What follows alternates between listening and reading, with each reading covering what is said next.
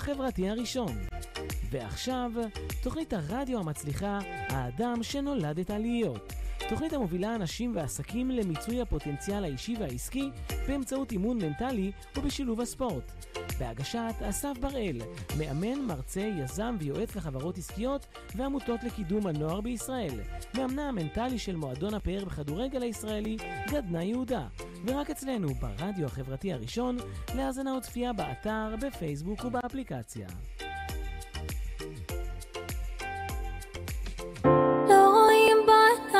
קופצים לאש, כבר רצינו לבקש, לקבל ולתת מה שיש, להחזיק בידיים כל יום שעובר, תמיד הוא ככה ממהר. אני איש מאחר, רק בלילות עולים קולות, שאלות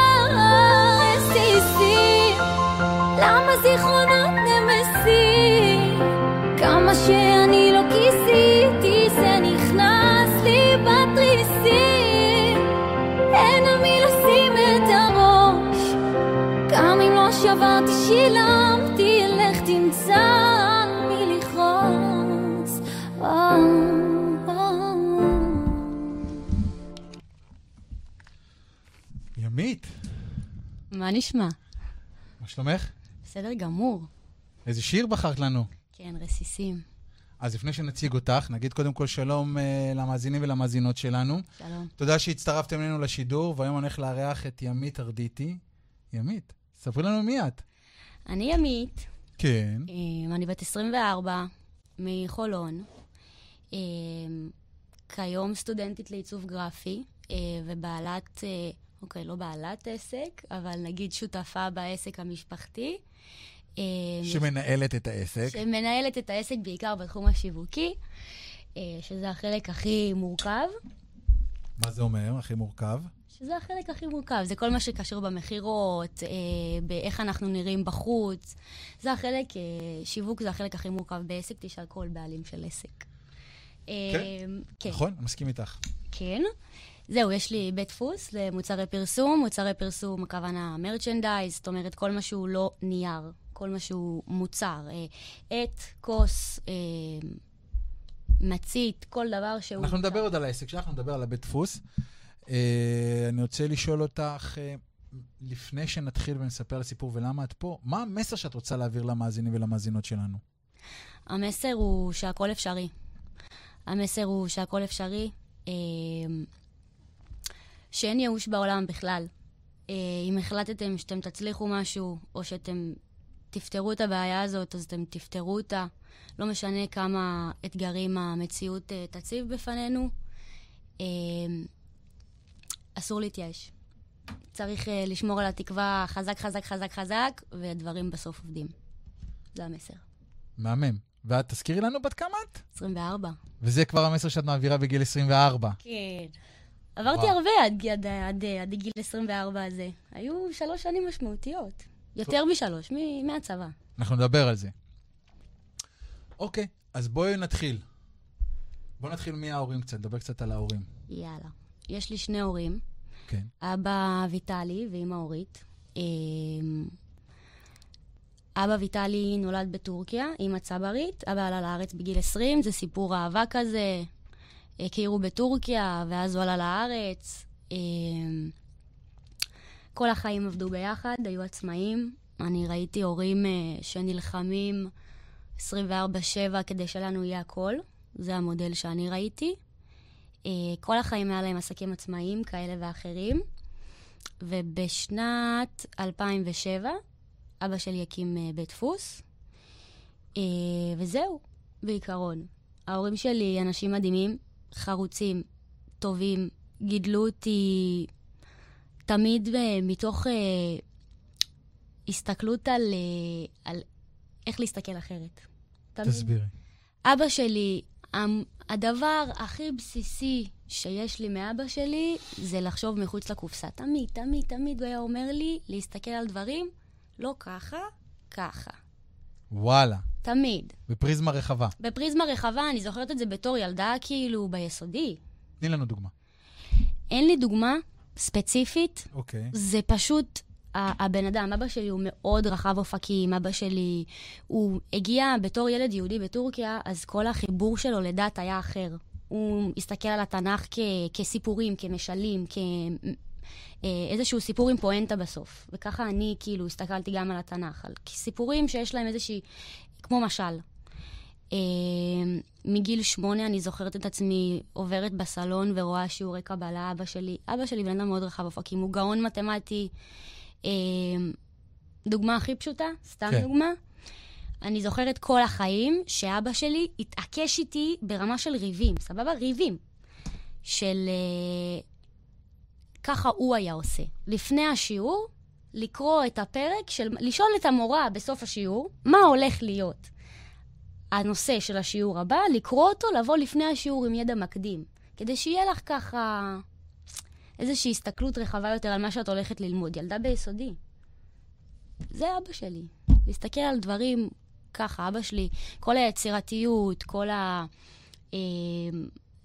הבדיחות של מילים, אבא שלי, רוב האבות, זה קטע של אבות. ההומור הזה של הבדיחות קרש.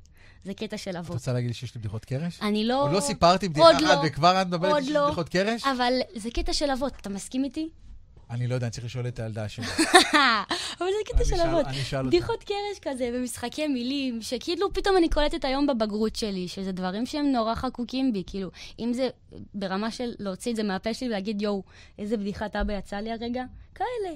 וזה דברים, אתה יודע, זה בדיחת אבא אמנם, אבל זה, זה, בסופו של דבר, זה גם איזשהו קופי רייטינג. אימא'לה, מה זה היה? זה היה ממני? זה יכול להיות מזה? אה, זה לא להתקרב מאוזנייה המיקרופון, עוז אומר לנו פה ברקע. תודה, עוז. תודה רבה. אוקיי. אז זה אבא. אוקיי, אז זה אבא. אז מה קרה? מה קרה לאבא? אז מה קרה? אבא, אמ, שהוא היום בן כמה? היום בן 53. אוקיי. אבא שלי, ב-2000, לפני 2007, נגיד 2005-2006 כזה, הוא היה שכיר אה, אצל מישהו אחר, והוא היה מדפיס כמויות של עטים כל יום. היה שכיר בבית דפוס. כן, היה שכיר בבית דפוס, והוא התאהב בקונספט הזה של עט הוא יותר כרטיס ביקור מכרטיס ביקור. והוא החליט, אני פותח מקום משל עצמי. אוקיי. Uh, ב-2007 הוא פתח באמת מקום, אז זה היה בראשון, בחלוף השנים זה עבר לחולון. Uh, ובחמישי לדצמבר 2000, זאת אומרת, העסק עבד, פיתח את עצמו מ-2007 עד, עד סוף 2018. היו עובדים לעסק או שזה רק היה אבא שלך? זה היה אבא ואימא. הייתה תקופה אה, שהייתה להם עוד עובדת שהייתה אחראית על מכירות, אבל רוב הזמן זה היה גב אל גב, אבא ואימא עושים מאלף עד תף. אוקיי. אה, איך הם סבלו אחד את השני 24/7? אנחנו באמת לא יודעים. עד היום, תעלומה, אין לי מושג איך הם שרדו את זה, אבל הם פשוט, ההורים שלי, הם היו, הם, עדי- הם, הם עדיין. הם עדיין, הם אנחנו נגיע לסיפור מה הם היום. בדוק, אבל זה כזה סיפור אהבה מהחלומות, כאילו אבא שלי היה מעשן, ובתור ילדה הריבים היו רק על העישון. אין עוד נושאים. כאילו, באמת, שאר הדברים, תמיד הייתה תקשורת, תמיד היה בסדר, תמיד היה שיתוף פעולה. אה, יש להם... הם מודל, הם מודל שלי לאיך נראית מערכת יחסים, כאילו, מבחינה של אהבה. איך אהבה נראית, מה זה, מה זה זוגיות אמיתית, אהבה, איך נראית אהבה בין שני אנשים שהיא אמיתית, אז ככה. כנראה שבגלל זה הם שרדו אחד את השני, ממש הם... שורדים, כן. נהנים. כן. הם אוקיי. אוהבים אחד את השני. מהמם. ואז מה קרה? ואז, בחמישי לדצמבר 2018, שזה כבר שנייה מ-2019, אני באותם זמנים עבדתי בשתי עבודות, באותו בוקר עבדתי בחנות תכשיטים. אה, אני במשמרת שלי, השעה תשע וחצי בבוקר, ואני מקבלת שיחה היסטרית מאימא שלי, שיחת וידאו בוואטסאפ. אני אומרת לעצמי, מה, מה? כאילו, מה הקשר? ואימא שלי מתקשרת בהיסטריה, היא אומרת שקרה משהו לאבא, אני נכנסת להיסטריה מן הסתם. העבודה שלי הייתה מרחק הליכה מהבית, אני זוכרת את ההליכה הזאת עד הבית, הריצה הזאת עד הבית. אני רצה ובוכה ואנשים מסתכלים עליי, כאילו, אני רצה ככה, עם דמעות. נופל ככה דמעות, רצה בהיסטריה, כי הבנתי שקרה משהו שהוא קיצוני. כאילו, אני עוצרת, מגיעה למעבר חצייה האחרון לפני הבית. רגע, אבל אימא שלך התקשרה אליך, דיברת איתה? כן, היא התקשרה, היא אומרת לי, היא אמרה, קורה משהו לאבא, אוקיי. המפתחות בבית, אנחנו נוסעים לוולפסון, תגיעי. ואני רצה מהעבודה הבנתי. הביתה, כולי בהיסטריה במוח שלי, מבינה, לא יודעת מה קורה. ההבנה הפשוטה היא שהחיים שלי השתנו. אני עוצרת שם ברמזור, אני לא אשכח את הרגע הזה בחיים, שאני מסתכלת, מחכה שהוא יחליף מאדום לירוק, שאני אוכל להמשיך לרוץ, הביתה, ואני אומרת לעצמי, ימית, החיים שלך השתנו. כאילו, באמת. אה, וזהו, אני מגיעה לוולפסון בהתחלה, הוא היה בוולפסון, ואז העבירו אותו לאיכילוב. אז הוא עוד היה בהכרה, לא ברור איך, הוא שאל אותי למה אני לא בעבודה. מה קרה לו? הוא עבר אירוע מוחי. עבר אירוע מוחי קשה, אה, שהתפתח לבצקת במוח. אה, הוא בסופו של דבר, היה דיונים בבית חולים, לעשות צנתור מוחי, לא לעשות צנתור מוחי, המצב התגלגל, נוצר מצב של בצקת והוא היה צריך ניתוח. נכנס לניתוח, אה, כשהוא נכנס לניתוח, הרופא בא ואומר לנו בצורה כאילו, אתה יודע, הכי אמיתית שיש. תראו, זה 50-50. או שהלך, או שהוא יהיה מאוד סיעודי. ואנחנו השלמנו, כאילו, שתי בשורות מאוד משמחות. מאוד משמחות. זה אה, בדיחת קרש דרך אגב עכשיו? זה בדיחת אבא. משהו כזה. ואז, אה, וזהו, ואנחנו יושבים שם, מחכים. זה היה ניתוח של כמה שעות. במהלך כל הזמן הזה אני רואה את אימא שלי, כאילו, אתה רואה בן אדם שמתעלף, קם, מתעלף, קם, מתעלף, קם, ככה כמה שעות טובות. יואו, סליחה. זה סליחה, שלי. זה הפעם אני. סליחה. לא. אמ, וזהו, אימא שלי, כאילו למרות, אתה יודע, הבן אדם, הבן אדם, אימא שלי הייתה במצב כל כך כאילו, מה קורה פה ולמה ואיך, כאילו, ובתוך כל זה, לא יודעת איך, אבל היא הצליחה להוציא, הבן אדם שבור, אני רואה אותה שבורה, והיא הצליחה להגיד, ימית, אלוהים לא נותן למי שלא מסוגל. וואלה. ככה. ככה. זאת אימא שלי. כן, על אימא לא פירטתי, אבל זאת אימא שלי. אימא שלי... אז רגע, אז בוא נח- בוא בוא נדבר קצת על אמא שלך. איך מגיעים לדבר- לתובנה כזאת? אימא שלי... וואו, זה מאוד מאוד עוצמתי, זה לא משהו שאתה אומר, אוקיי. לא, זה גם לא משהו שת, שכאילו... שהצלחתי בכלל להכיל בתוך הסיטואציה. אני, אני לא אשכח את הרגע הזה בחיים שלי, כן? שאני רואה את אימא שלי עם עיניים נפוחות, דומעות, כולה דמעות, וכאילו... והיא אומרת לי את המשפט הזה, שהוא כולו עם גישה אופטימית או אמיתית, ואני כאילו... מה, איך את בכלל, איך הצלחת להציץ עכשיו בכלל? כאילו, באמת לא הבנתי. אימא שלי היא, לא יודעת, מלכה, אני לא יודעת איך להגדיר אותה, יש לה כוחות שלא ראיתי אצל אף בן אדם בחיים שלי. אמ, היא בן אדם מטורף. אמ, והיא הבינה, היא הבינה כבר שם שזאת הולכת להיות התמודדות, אבל היא גם הבינה כנראה ש... שאנחנו נצטרך לעבור אותה ושאין מה לעשות. ושאלה החיים. וזה זה המסר שהיא רצתה להעביר לי באותו רגע. מעבר לזה, אימא שלי... אימא שלי כל החיים הייתה פשוט ה... אימא שלי פלפל, היא אש. היא, היא האנרגיה, היא ה... לפתוח את הבוקר, שרית חדד זוהר ארגוב, שישי בצהריים, ניקיונות, אווירה. אימא שלי זה האש. היא תמיד, יש בה איזושהי אנרגיה כזאת שאי אפשר, אה, אפשר להתעלם ממנה. אוקיי. אה, ואני חושבת שגם באותה סיטואציה פשוט, עם כמה שהסיטואציה דורסת אותך נפשית, עדיין היא נשארה האימא האגדית שלי, עדיין. בטח. אוקיי, אז מה קרה? אז עכשיו אתם יצאתם מהבית חולים, ואז מה קורה? ואז מתחילים אה, שיקום, הוא היה באיכילוב משהו כמו חודש. הוא עבר... עברתם מוולפסון לאיכילוב. כן, עברנו אוקיי. מוולפסון לאיכילוב, כל הניתוח קרה באיכילוב, המחלקה של הניתוחי מוח אה, יותר טובה באיכילוב. אה, הוא עבר שם ניתוח. אה, במהלך הניתוח הזה, מה שעשו זה פשוט חתכו לו חתיכה מהגולגולת, נוצרה לו בצקת במוח. הראש, היה, המוח היה צריך ממש כאילו להתרחב ולחזור לצורתו המקורית. חצי שנה אחרי יחזירו לו כאילו את החלק של הגולגולת שהיה חסר עם איזשהו חלק פלסטיק, אה, רק כדי שהמוח לא יישאר חשוף. אוקיי. אה, אחרי החודש באיכילוב, עברנו, העבירו את אבא למוסד שיקומי שנקרא רעות, זה נמצא בתל אביב, בדרום תל אביב. הוא היה שם אה, שישה, שבעה חודשים. משם הוא יצא אה, אה, עם מקל. הוא היה הולך אה, ממש בקושי רב, אבל עם מקל. זאת אומרת, מהחיזיון המזעזע של הרופא של או שאבא שלי לא יהיה איתנו, או שהוא יהיה סיעודי ברמה בלתי אפשרית, אנחנו כבר לא שם. זה כבר כאילו וי חיובי אחד. אה, וזהו, אחרי השבעה חודשים ברעות הוא מגיע הביתה, ומאז אנחנו בלופ של אה, למצוא את הטיפול הכי מתאים, הכי נכון. אה, ומה קורה בינתיים עם העסק? או, זאת שאלה. זאת שאלה. מה קרה עם העסק? זהו, אז איך, ש... איך שהכל תקופה קרה... ארוכה שהעסק... נכון. איך שהכל קרה, לא היה זמן לחשוב על טקטיקה מה עושים עם העסק. זאת אומרת, אבא שלי הוא העסק, אין את אבא, אז, אז אין באמת כל כך מה, מה לעשות עכשיו.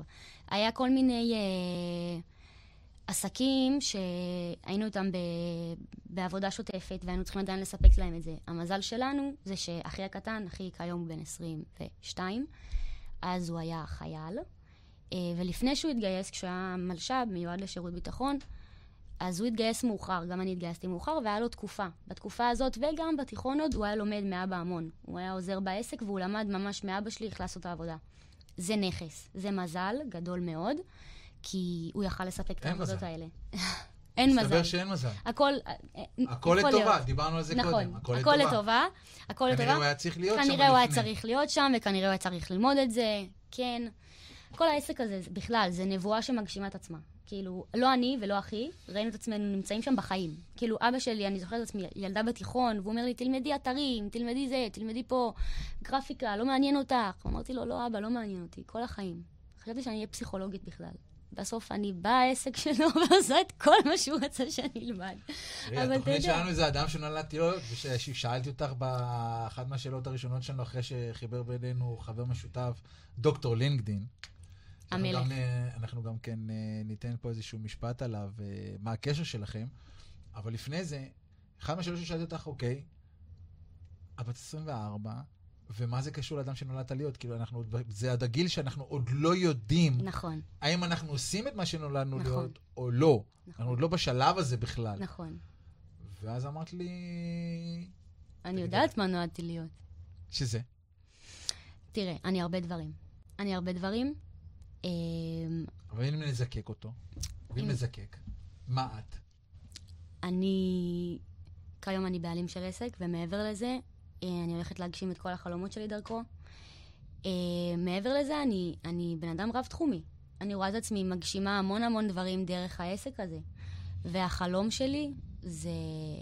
לפני, לפני החלומות שאני אגשים לעצמי, זה הרווחה הכלכלית של המשפחה שלי. זה לדעת שאוקיי, אבא שלי בשלו, אימא שלי בשלה, הכל בסדר.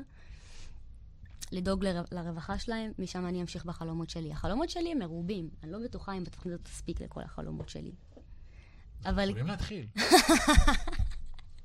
אחד מהם זה להיות מעצבת גרפית, ושהבית דפוס הזה יהיה הבית דפוס הכי, הכי מצליח בארץ. זה החלום הראשון. אז אפשר גם וגם. בדוק, הרי אם... אם זאת השאיפה, לעשות הרי הכל. אז יבוא הכסף. נכון, אוקיי. נכון, זאת השאיפה. וברגע שיגיע הכסף, אני אגשים את כל החלומות שלי, שהם בתחומים רבים ומגוונים. אני עושה המון דברים מעבר לעסק, אני יוצרת תוכן, אני סטייליסטית. אה, להגשים את כל הדברים האלה. אבל אני כן... אה, בן אדם לא יודע מה הוא עד שהחיים שמים אותו בסיטואציות, והחיים הובילו אותי להבנה שאני רוצה להיות איזושהי דמות, איזשהו... איזה? דמות ציבורית. איזו דמות. תשמע, אנחנו מדברים על החלום הכי גדול, על החלום, החלום בסוף, החלום בסוף, לפני שזורקים את המפתחות, שאומרים ביי, לפני שמזדכים? לפני שמזדכים, אוקיי. שרת החינוך. שרת החינוך. שרת החינוך, וואלה. וואלה. למה? הייתה לי שיחה על זה עם uh, חבר, מכר, לפני כמה ימים. ו... והוא אמר לי, אבל הכל שחיתות, זה מגעיל, פוליטיקה זה מגעיל. אמרתי לו, קודם כל, אם זה יהיה מגעיל, אני לא אהיה שם. נתחיל בזה. אני אמצא דרכים אחרות להיות שרת החינוך. היום כל בלוגרית היא שרת חינוך משל עצמה. שנייה, נשים את זה בצד אחד. אני, אני חושבת, מקווה, ורוצה להאמין... יש הבדל בין שרת חינוך למשפיענית רשת. ברור. אני רוצה להיות דמות, שמש... דמות שמשפיעה. עוד פעם, כל פעם הדבר הזה. אני רוצה להיות דמות שמשפיעה. אני עברתי המון ב- בשלוש שנים האלה, אני יודעת כל כך הרבה על המדינה ועל העוולות, או הדברים המוצלחים שקורים פה, שזה ההון האנושי, שהוא הדבר הכי מוצלח שיש במדינה הזאת, ההון האנושי. הרבה לא יסכימו איתך דווקא. אז אני חווה אותו מקרוב, וההון האנושי במדינה הזאת הוא מדהים. פשוט צריך לדעת איך לחנך ולטפח אותו, וזה תפקיד של שר החינוך. איך להנגיש לו. איך להנגיש לו את... אז איך... בואי תספרי לנו לפני שנגיע לשרת החינוך. כן. אנחנו, אתה יודע, אנחנו עושים פה איזשהו בילדאפ לתוך שרת החינוך. כן. כדי להיות שרת חינוך אנחנו צריכים לעבור תהליך מסוים, נכון? נכון. אז עכשיו רוצים להנגיש. מה הנגשת למעשה לציבור שבעקבות זה את פה? מה קרה? אחרי שאבא שלך זהו, אה, סגר, אז אחרי ש- ואחיך נכנס לעסק בתקופה הזאת, מה קרה? זהו, אז הגיעה הקורונה. אז היה את 2019, בשנה הזאת היינו די בטקטיקה של uh, לשרוד. אני עבדתי בשתי עבודות, פרנסתי כמה שיכלתי, אחי היה ממלצר uh, וחייל, והיה מטפל באבא שלי, היה הולך המון לשיקום, המון עוזר לו, ועובד בעסק, בהתאם לעבודות השוטפות שהיו, עם לקוחות קבועים שהיינו צריכים לספק להם את זה. וזה לא היה המון, זה היה סביר. אוקיי. אמ, ואז אז גם הגענו, וגם וגם וגם וגם וגם. שרדנו כל 2019, נקרא לזה שרידה, ולא הסתכלנו באמת מבחינה טקטית מה אנחנו עושים עם העסק, השארנו אותו קיים, הצלחנו אה, לא להפסיד ולא, להר... כאילו, לא הרווחנו, אבל גם לא הפסדנו שזה מדהים בפני ב-2019. עצמו. הרבה אנשים סגרו את הבסטה שלהם ב- נכון. בקורונה. אז לא, בקורונה, הקורונה זה כבר סיטואציה אחרת. דיברת כשהגיע, על 20? זהו, אוקיי, אלפ... ב-2019. 2019 שרדנו. אוקיי. מגיע 2020. אף אחד לא ציפה לדבר הזה. אף אחד. אתה מתחיל את השנה שלך ואתה סגר ועוד סגר, ואנחנו שני ילדים בני 20, אין לנו אפילו איך למלצר. כאילו, זה, זה העבודה שהיא עם השכר הכי גבוה לילדים בגילנו. אין. אין לנו איך למלצר, אין לנו איך לפרנס את עצמנו. שני ילדים בני 20, שהם כרגע המפרנסים של משפחה, ואין לנו איפה לעבוד, אין לנו מאיפה להביא כסף. ותחש... וגם כל הסיפור הזה עם החל"תים, הוא, הוא היה בעייתי, כי אני עבדתי בשתי עבודות שהן מלצרות. איפה תביא תלוש? איפה? הי- קיבלנו כלום עם ביטוח לאומי באותם חודשים. אתה מוצא את עצמך, אתה מגיע לחודש מאי, אחרי שני סגרים, או סגר וחצי, מאי זה נראה לי באמצע הגל השני, ואין לך כסף לשלם כלום. עזוב טיפולים, עזוב תרופות, אין לך כסף כאילו לחשמל, מים, גז, כאילו אתה... את- התקשרו אלינו מהחברת ליסינג ואמרו לנו שכנראה ייקחו לנו את הרכב בעוד איקס ימים. ואם ייקחו לנו את הרכב אין איך להסיע את אבא לטיפולים. כאילו, זה הרמה של המצוקה שהייתה, והיא לא באשמתנו, היא לא באשמת אף אחד. ואנחנו צריכים כסף גם בשביל המחיה הבסיסית, שאין לנו איך להביא כי קורונה, ואין לנו מאגרים של כסף או חסכונות מלפני, כי הסיטואציה הייתה מה שהיא הייתה. ופשוט עשיתי קמפיין גיוס תרומות. אה, איך עלית לרעיון הזה? תראה, זה היה מאוד אה, הישרדותי. לא עליתי על שום רעיון מהפכני. אה, עשו את זה לפניי ויעשו את זה גם אחריי. אה, ועדיין, איך הגעת לתובנה הזאת? אני הולך לעשות קמפיין עכשיו. היינו במצב, אתה, אתה רואה את המשפחה שלך שבורה. אתה רואה את האנשים, אתה, אתה רואה את אימא שלי, כאילו... את ילדה בת 23. אני ילדה בת 23. 22 הייתי אז. 22, וחצי. אני יכול להגיד, כן. כן. ילדה בת 22 וחצי, שמבינה, אה, תשמע, מהרגע... שבדרך כלל עושה סיבוב בעולם, ממלצרת, כן. ישנה עד 12 בצהריים. כן. כן. what the fuck. תשמע, הבנתי שזה זה בלתי נמנע. זה בלתי נמנע. זה, זה היה... החרדה הזאת שעטפה אותנו ממחר בבוקר, אי אפשר לחיות את זה. אי אפשר. אי אפשר. מה גם שמתישהו זה היה מתפוצץ, היו מגיעים ולוקחים לך דברים מהבית, או מרפים אותך מהבית. כן, ודאי, אני ילדה בת 22, לוקחת את כל האחריות הזאת על, על הכתפיים, אה, בואי. כשאין ברירה, אז זה אין ברירה. לא אטלס כרגע יושב מולי, זה עדיין ילדה בת 22, אה, מי שעדיין לא רואה, תסתכלי שם על המצלמה, הכתפיים שלה רחבות במידה סבירה, לא יודע עד כמה הן יכולות להחזיק אה, ארבע נפשות. איך עדיין עושים את זה? עושים את זה, מחליטים שעושים את זה. איך? אני מהרגע הראשון החלטתי שהעניין הכלכלי, אני גם באותה תקופה הייתי משוחררת בדיוק משהו כמו חצי שנה, בין. מרץ, דצמבר, תגידו עשרה חודשים משוחררת, חסכתי כסף לטיול, לאוטו, לצאת מהבית. ו- והכסף הזה נגמר תוך פחות מחודש. אבל uh, מאותו רגע, כאילו, אתה יודע, מאותו רגע שאתה אתה קולט שאימא קצת באפיסת כוחות, ואני פתאום הולכת לסופר וצריכה כאילו לשלם את החשבון מים ואת הארנונה, אז פתאום כאילו נופלת לך ההבנה שאוקיי, כאילו, אימא צריכה להתמודד ב... לטפל בשלושה ילדים ובעל סיעודי, ואחי חייל, והוא מטפל באבא כמה שהוא יכול, הוא היה חצי פיז- פיזיותרפיסט שלו, ואני הבנתי שאוקיי, אז, אז, אז, אז את תביאי את הממון, זה עלייך. הייתי עובדת בשתי עבודות והייתי מביאה כמה שיכלתי, אבל זה, הבנתי שזה לא מספיק, והבנתי שזה עליי, והכי פשוט, כאילו, הכי, מי שמתבייש, מתייבש. באמת. אמרתי לעצמי, מי שמתבייש, מתייבש. לקחתי את האייפון שלי, ו- וצילמתי איזה 15 טייקים עד שהגעתי לטייק הכי קצר שהצלחתי להוציא. אמרתי לעצמי, שלושה ימים לפני, העליתי סטורי לאינסטגרם, אמרתי בעוד שלושה ימים כולכם תגלו מי זאת ימית. אף אחד לא ידע על זה, לא חברים שלי, אף אחד לא ידע שאני מתמודדת עם כזאת סיטואציה בחיים שלי בכלל. ומבחוץ הכל היה נראה אפי אפי ג'וי ג'וי, לא היה נראה שיש איזשהו משהו מיוחד בחיים שלי. אה, ואז העליתי סטורי ואמרתי בעוד שלושה ימים כולכם תגלו מי אני, וככה החלטתי, בסטורי הזה, החלטתי שבעוד שלושה ימים אני עושה משהו עם הדבר הזה. יום שלישי לפני שאני באה לצאת למשמרת שלי בעבודה, אני מנסה לעשות כמה טייקים, הטייק שיצא הכי קצר, מעלה אותו, יוצאת לעבודה, זה היה במתכוון או במקרה יום שלישי? ומתכוון. במתכוון. יומי שלישי זה הימים שלי. שלישי... באיזה יום היום? שלישי... מה נראה לך, אני סתם פה? לא.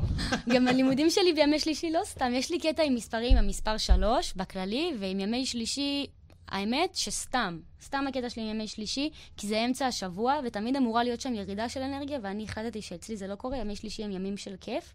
ואז כתוצאה מזה? ובכללי, אימא שלי סיפרה לי שהם התחתנו ביום שלישי, כשהייתי ילדה קטנה, קטנה, קטנה. כי פעמיים כי טוב. אני מאותו רגע, ימי שלישי, ימים מגניבים. פעמיים כי טוב, אני אהבתי את זה. זהו, אז החלטתי שביום שלישי, והעליתי את זה, ואני במשמרת שלי, ואני כאילו... הטלפון שלי עוד שנייה נשרף. עוד שנייה נשרף. הוא כאילו... בחיים לא חוויתי דבר כזה. במשך כאילו שבוע שהטלפון שלך לא מפסיק, לא, אין שנייה בלי התראה. זה היה הזיה מטורפת, מטורפת. לא ציפיתי. אה, זה הגיע למאות אלפי צפיות. באינסטגרם יש על הסרטון הזה 600 ומשהו, בפייסבוק היה גם עוד איזה 200, יש לך עדיין את- הסרטון הזה? בטח. אז קודם כל תעשי אותו בתגובות שיראו. בכיף, קודם כל שיהיה. באהבה. אין בעיה. אחרי זה, את יודעת, לכי תדעי לאן זה יגיע. אה, כן, זה היה, הכי תמים בעולם. ואז. מה קרה? ואז אנשים התחילו לתרום לנו כסף. העליתי קמפיין אה, בפלטפורמה שנקראת ישראל נותנת. שמתי שם איזשהו דדליין, אבל הוא, הוא לא באמת קריטי, כי אתה לא, גם אם אתה לא מגיע לדדליין, אתה יכול למשוך את הכסף, לעומת פלטפורמות אחרות כמו הדסטארט למשל. אה, וגם פייבוקס וכאלה, אנשים כאילו, אנשים רצו, התקשרו אליי, אני יכול לבוא להביא לך כאילו הביתה, מזומן, כי- דב- דברים מטורפים. זה, זה גם הסיבה שאני רוצה להיות שרת החינוך, זה גם הסיבה להכל.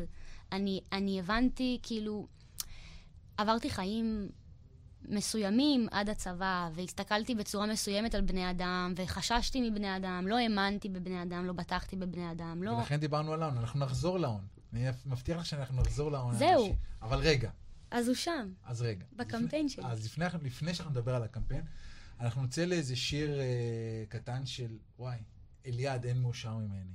שיר מאלף. שיר מהמם. שיר מאלף.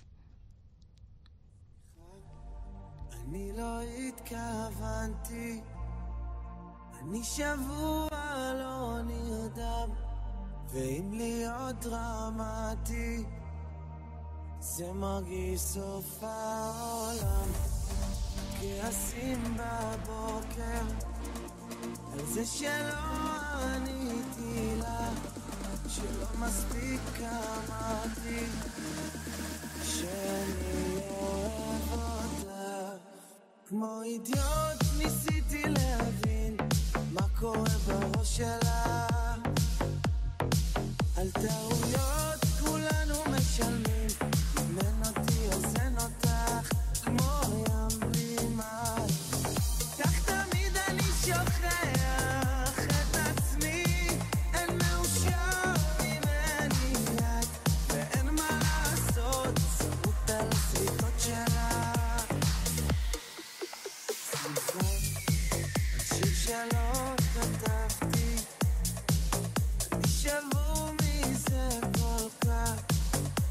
שלא כתבתי, למה זה מגיע לך? השתיקות בערב, על זה שלא הלכת לישון, איך את תמיד דואגת, מחכה לי בך. כמו אידיוט ניסיתי להבין מה קורה בראש שלך. על טעויות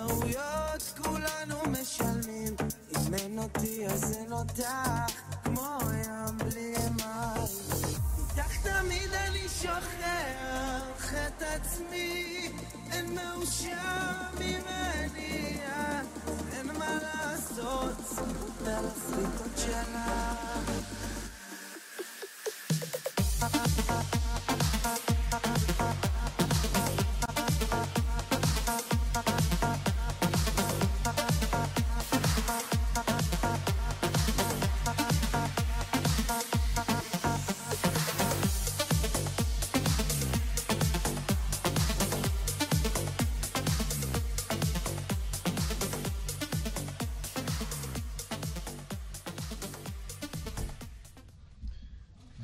השיר רגע? ניתן איזה משפט עליו? מה, של אליעד? כן? אין מאושר ממני. יש לו שם משפט שהוא אומר, אה, כמו ים בלי... יואו, יואו, עכשיו זה ברח לי. המשפט הזה, כמו ים בלי מים. אוקיי, ש... קודם כל קוראים לי ימית. אז כל דבר שקשור למים וים זה ישר, זה שלי. לוקחת על זה בעלות. אבל uh, פשוט כשה, כשהשיר הזה יצא ושמעתי את המשפט הזה, זה פשוט uh, תיאר לי תחושה כזה. מבחינתי כל שאר השיר לא רלוונטי. המשפט הזה רק ספציפי. המשפט הזה הבנת אותך. זאת אומרת, כאילו זה שאין מאושר ממני זה בסדר, אנחנו, כאילו, אותנו מעניין כרגע באופן כללי, זה שימית, זה שיש שם את המילה ים. לא, זה כמו ים בלי מים, תחושה כזאת של... אה, כש... כמו ים בלי מים. אוקיי. פשוט ככה, כאילו, בלי הבן אדם הזה, בלי החוויה הזאת, אתה כמו ים בלי מים, אתה לא שווה כלום. כאילו, אין מאושר ממני. אני... כל החיים שעברתי זה הים שלי במים. או אוקיי. בים. עכשיו נחזור לקמפיין. ואז בחרת, עשית קמפיין דרך אה, ישראל. ישראל נותנת, זה כן. פלטפורמה, אה, כמו עוד המון אחרות. כן. אה, שם אתה... יש סיבה מיוחדת שבחרת אותם, או שזה... מהסיבה הפשוטה שהם הפלטפורמה היחידה שמאפשרים אה, לאסוף את הכסף גם אם לא הגעת לסכום יעד אוקיי. שהצבת. אוקיי. אה, והממשק שלהם היה נוח, התקשורת. אוקיי. אה, זאת הסיבה היחידה. אה, וזהו, ואז הגענו לסכום שהוא מאוד עזר לנו. הצלחנו להרים את הראש מעל המים. אה, לא, לא לקחו לנו את האוטו. והצלחנו לשרוד כזה כמה חודשים קדימה. אבל אז שוב, נכנסנו לאותו לופ, כאילו נגמר הכסף, ואתה עוד פעם באותו לופ.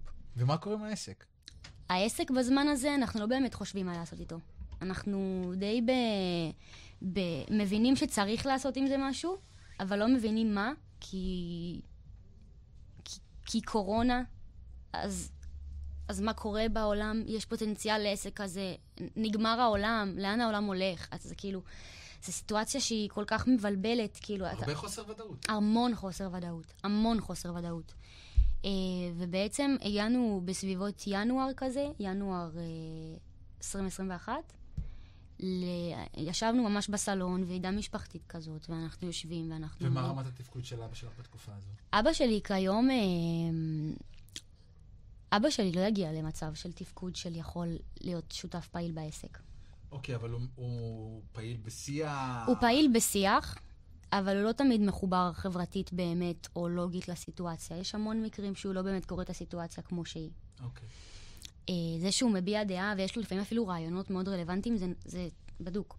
אוקיי. אבל אה, הוא לא הפקטור אה, ללסגור או לא לסגור את העסק. כאילו, זה אוקיי. לא בגללו או בשבילו, אוקיי. whatever, זה בחירה שלנו. אוקיי. אה, אנחנו עושים ועידה משפחתית, ואנחנו מגיעים למסקנה שיש לנו שתי אופציות. אני חייב רגע לעצור אותך. כן. אני רוצה להבין. מה זה עושים ועידה משפחתית? את מדברת איתי בשפה של מבוגרים.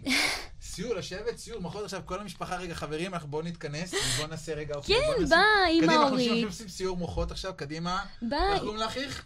דיוויד או דיב. דיב, דיוויד, אה, ימית ואימא. קדימה, אנחנו יושבים עכשיו, תראי לי את הסיטואציה הזאת, איך זה קורה?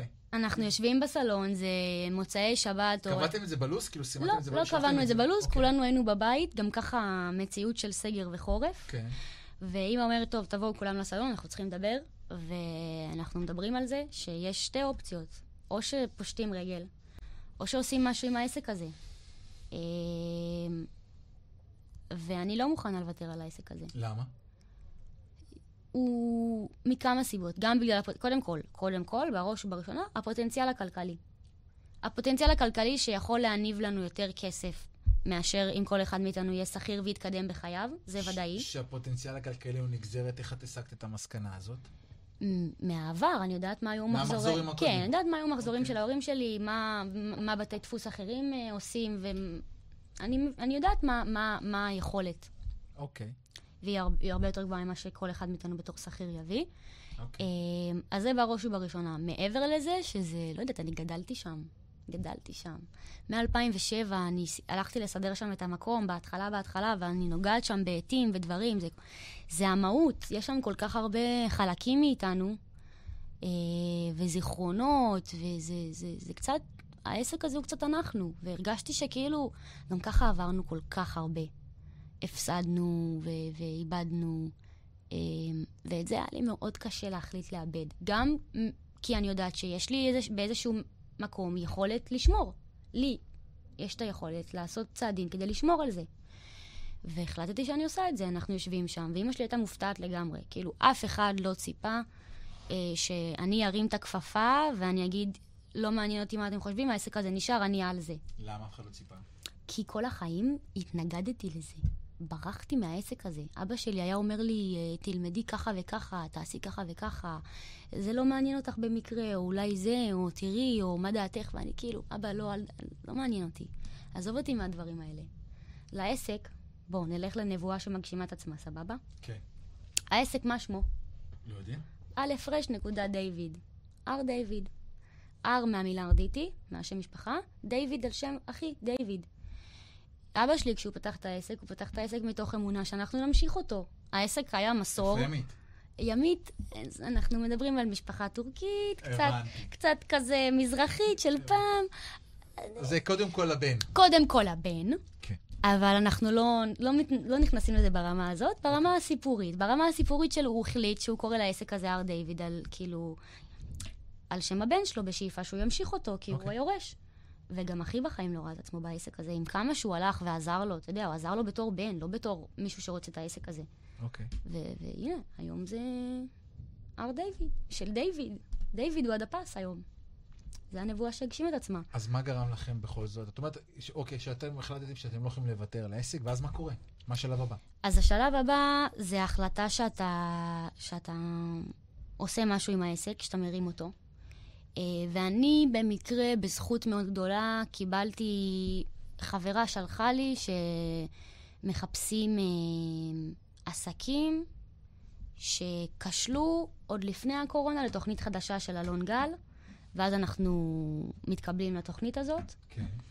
ובמהלך צילומי התוכנית, זה ממש קורה בצמוד. זאת אומרת, אנחנו ממש דיברנו כאילו, נגיד שישי, יום ראשון שלמחרת, קיבלתי את הסטורי הזה. אז זה ממש קרה ב- ברצף. כי במקרה פייסבוק במקרה. לא הזין לכם, לא, זה לא אינסטגרם לא פייסבוק, הזין. זה חברה שלחה לי. אה, אוקיי. זה לא פייסבוק, זה אוקיי. באמת מקרי. אוקיי. באמת מקרי. חברה שלחה לי, אין, לא היה לי איך להגיע לבן אדם הזה, אם כי אוקיי. הוא העלה את זה לסטורי שלו אישית, אוקיי. כזה, רק למי שמכיר אותו. אוקיי. ואז שלחתי את הפרטים שלי והתקבלנו, ואז הצטלמנו לתוכנית במרץ. אמ, לתוכנית של- של אלון גל. של אלון גל. במהלך התוכנית גם עברנו המון המון תהליכים עם עצמנו, על מה זה בית דפוס, על איך להתנהג, כאילו, על, על מה זה עסק. על איך, איך נראה העסק, איך מתפקדים בתוך עסק, איך אנחנו צריכים להסתכל על העסק, מאיזה נקודה, להסת... מאיזה זווית להסתכל על העסק הזה. אה, וזה בעצם היה המקפצה הראשונה שלי לתוך העסק. אנחנו, אני, כשהצטלמתי לתוכנית, אה, בכלל עבדתי בעבודה אחרת. אני חשבתי שאני יכולה לעבוד בעוד עבודה, ובמקביל גם לפתח את העסק, ושאני אצליח לשלב את הדברים האלה. לג'נגל בין הכל. כן, חשבתי שאני אצליח. תוך כדי הצילומים לאלון, בתוכנית של אלון גל, אני מבינה ש... אוקיי, זה לא מחשבה ריאלית, ואת צריכה לפקס את עצמך על משהו אחד. איך איך הגעת לתובנה הזו? הבנתי פשוט אה, מה העסק מצריך. וכמה... מה העסק מצריך? מה הבנת שעסק, מה הוא מצריך? לנו כרגע בעסק יש הכל. יש דפוס, יש יכולת להדפיס, יש את כל הידע.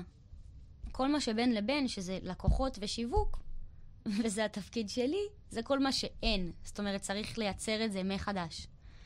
וזה ממש קשה. זה לא משהו שאתה יכול לעשות תוך כדי שאתה עובד בעוד עבודה כל יום עשר שעות, ובשעתיים שנשארו לך לחשוב איך אתה אה, מפתח את העסק שלך. אני הבנתי בראש ובראשונה שאני צריכה לחיות את העסק הזה כדי להצליח למכור אותו ולשווק אותו. אין שום היגיון אחר. את לא יכולה לעבוד בדוכן קרפים ולרצות אה, למכור שווארמה, זה לא הגיוני. אוקיי. אז הבנתי שאני צריכה לרכז את כל הכוונות שלי, את כל העשייה שלי לעסק הזה, ולהפוך אותו ל vision שיש לי בראש. אוקיי, אז מה קורה? אז אנחנו... קיבלת את ההחלטה, פוקוס. קיבלנו. את ההחלטה, בסביבות סוף מרץ נגמרים הצילומים, זה היה כמעט, אה, זה היה כמה ימי צילום. אה, מגיע אפריל, ומאפריל אנחנו בעסק. זאת אומרת, אנחנו מגיעים לעסק כל בוקר, אני מתחילה בשיחות טלפון, קצת מדיה. כרגע אנחנו בשלב מאוד דומה. אנחנו בשלבים של אה, ניסוי וטעייה, אני לוקחת המון אנשי מקצוע, מתייעצת עם המון אנשים. אני, אם אני אצטרך, אני אעבוד בעוד עבודה כדי לממן שיווק עד שהוא יעשה את העבודה שלו. אתה מדבר איתי כרגע בשלב, אנחנו כרגע, כיום אני, חצי שנה בעסק. זה ממש התחלתי, לגמרי, בדוק. נכון. אבל אה, זה לחשוב 24-7 על העסק שלי, ומה אני עושה איתו, ואיך אני עושה איתו, מה אני רוצה לעשות איתו, מה, מה המטרה בעסק הזה, כי בתי דפוס יש המון. אני, השאיפה שלי זה תמיד... מה הערך המוסף שלכם שאתם מביאים לבית דפוס? מעבר לסיפור, אוקיי. אז עכשיו הבאנו סיפור. באמת נוגע ללב, נכון. אוקיי? זה עבד. עשיתם קמפיין, ועשיתם אה, עוד קמפיין, מהמם. ובסופו של יום זה יכול להחזיק עד גבול מסוים, נכון. כמו שאתה אמרת, זה נגמר. נכון, ועדיין אתם יש לכם בית דפוס. מה הערך המוסף שעמית ודויד מביאים? יפה. אז קודם כל, זה שאנחנו שני ילדים צעירים שבאים לתת עבודה, זה קודם כל. Uh, הדבר השני זה המחיר. Uh, אנחנו, כל הקונספט שאימא שלי התחילה ליצור מ-2015 בערך, מצוק איתן, uh, הם היו עובדים עם פרסומאים. איך זה עובד? איך עובד תחום הדפוס? איך? יש פרסומאי, שהוא מקבל, נגיד, עבודה מחברה מסוימת, הוא צריך לעשות פולדרים, עטים, זה, זה, זה. הוא הולך לבית דפוס הזה, הזה והזה. עכשיו, הוא גם לוקח עמלה על מה ש... על זה שהוא מנהל לך את כל האופרציה הזאת, גם תשלום על העבודה. אנחנו באנו ואמרנו לעסקים, אנחנו חותכים לכם את העמלה שלו, תעשו אצלנו ישירות. מה אתם רוצים? אלף עטים? תבואו, נעשה לכם אלף עטים. ת- תמנעו איך מעצמכם. הגעתם ללקוחות האלה? זהו. אז זה להגיע אליהם באופן טלפוני. איך? זה אימא שלי התחילה. איך? האמת שאין לי מושג. איך היא הגיעה אליהם? אוקיי. היא חיפשה אותם. איך? חיפשה אותם במדיה.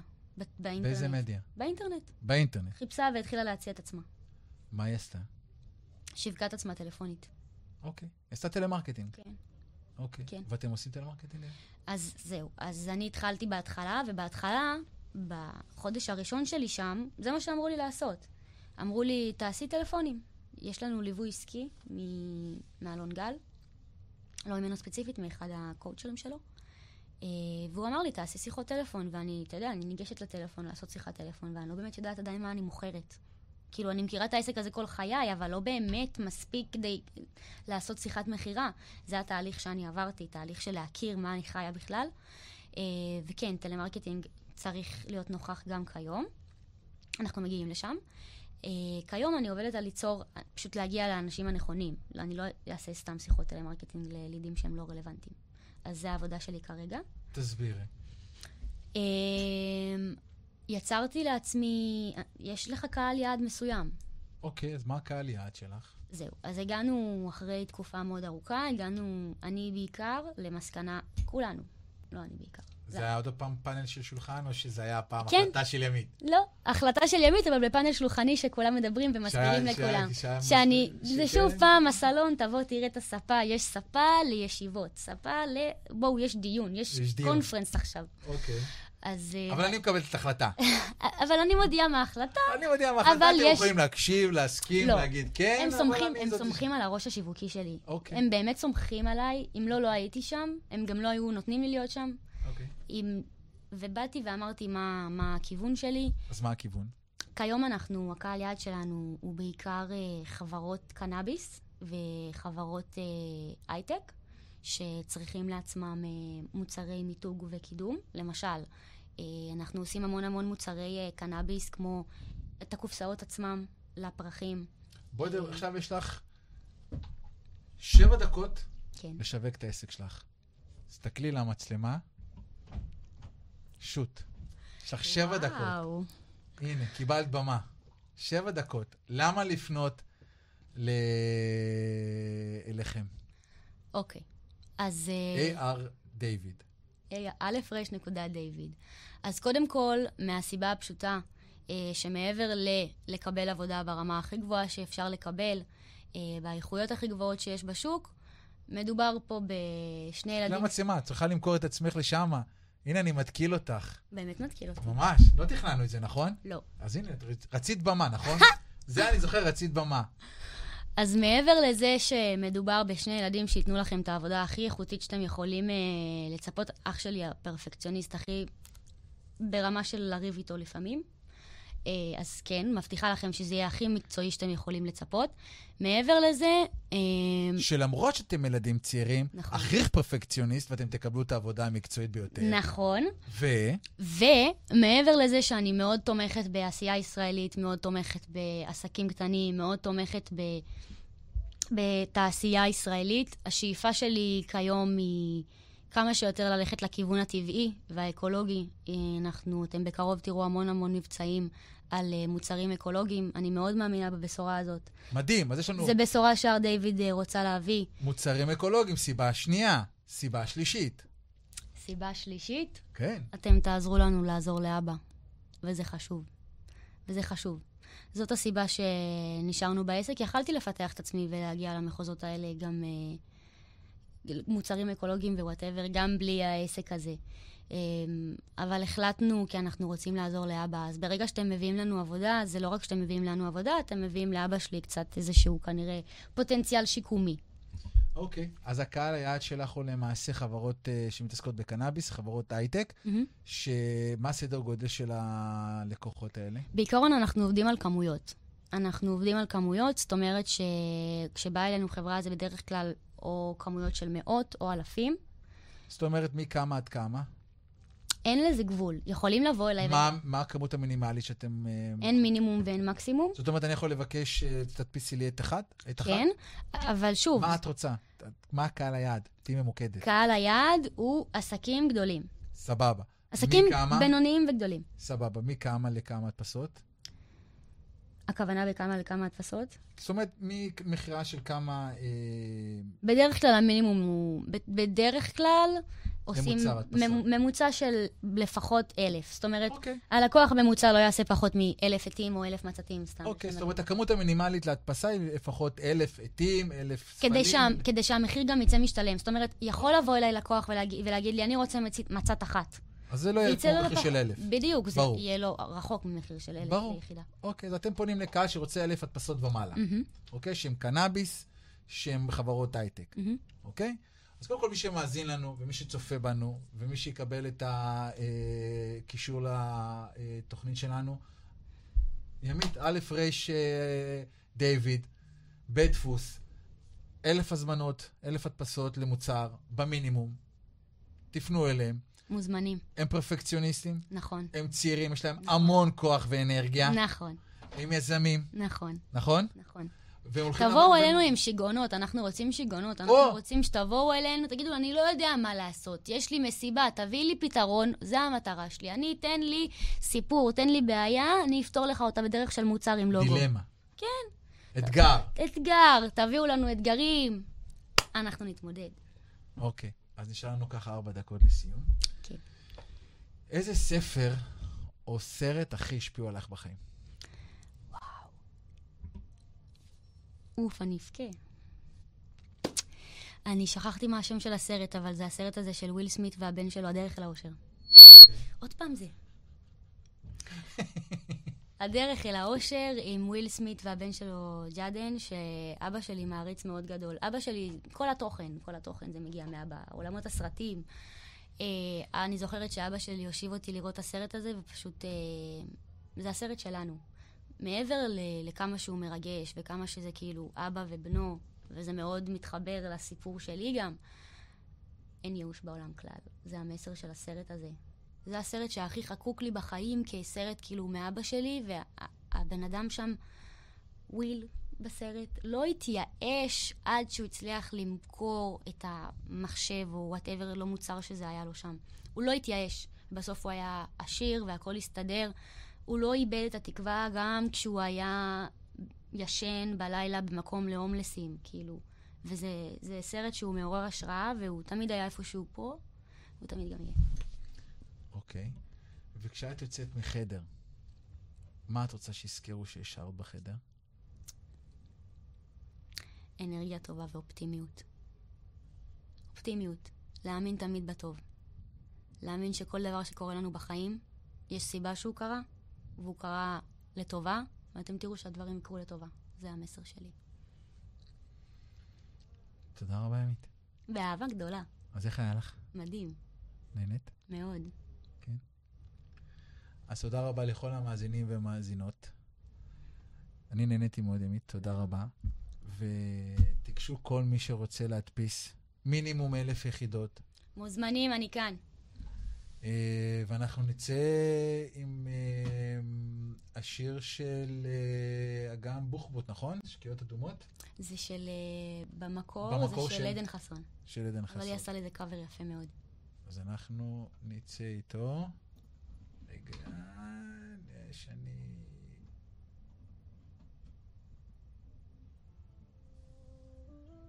אז תודה רבה לכולם, לכל המאזינים והמאזינות, שיהיה צהריים מעולים, ואנחנו נתראה בעוד שבועיים, ובתוכנית הולכת להיות תוכנית סוף הדרך עוד שבועיים. תודה רבה לכם, תודה רבה לכם, מאזינים ומאזינות יקרים, ונתראה עוד שבועיים. כדי שלא יחזור שוב המבול שוטף את הפנים וזורק את האבק מהחיים. ככה לא לבחור בדרך שכולם הולכים. בעיניים עצומות אני רואה את השבילים. בעולם הזה מי מחבר ומי נותן חיים? יש אמת אחת טובה לה בספרים לראות את הטוב אסור לעצור את השמש עכשיו. שקיעות אדומות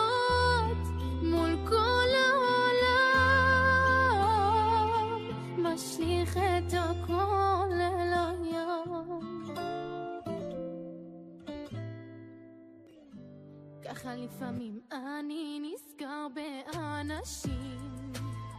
מי היה לי שנשברתי, מי סגר לי בפנים? ועד שיום חדש פתאום יביא הכל יפיק בכעסים. אגלה שאין לי מה לשמור בפנים. לראות להפוך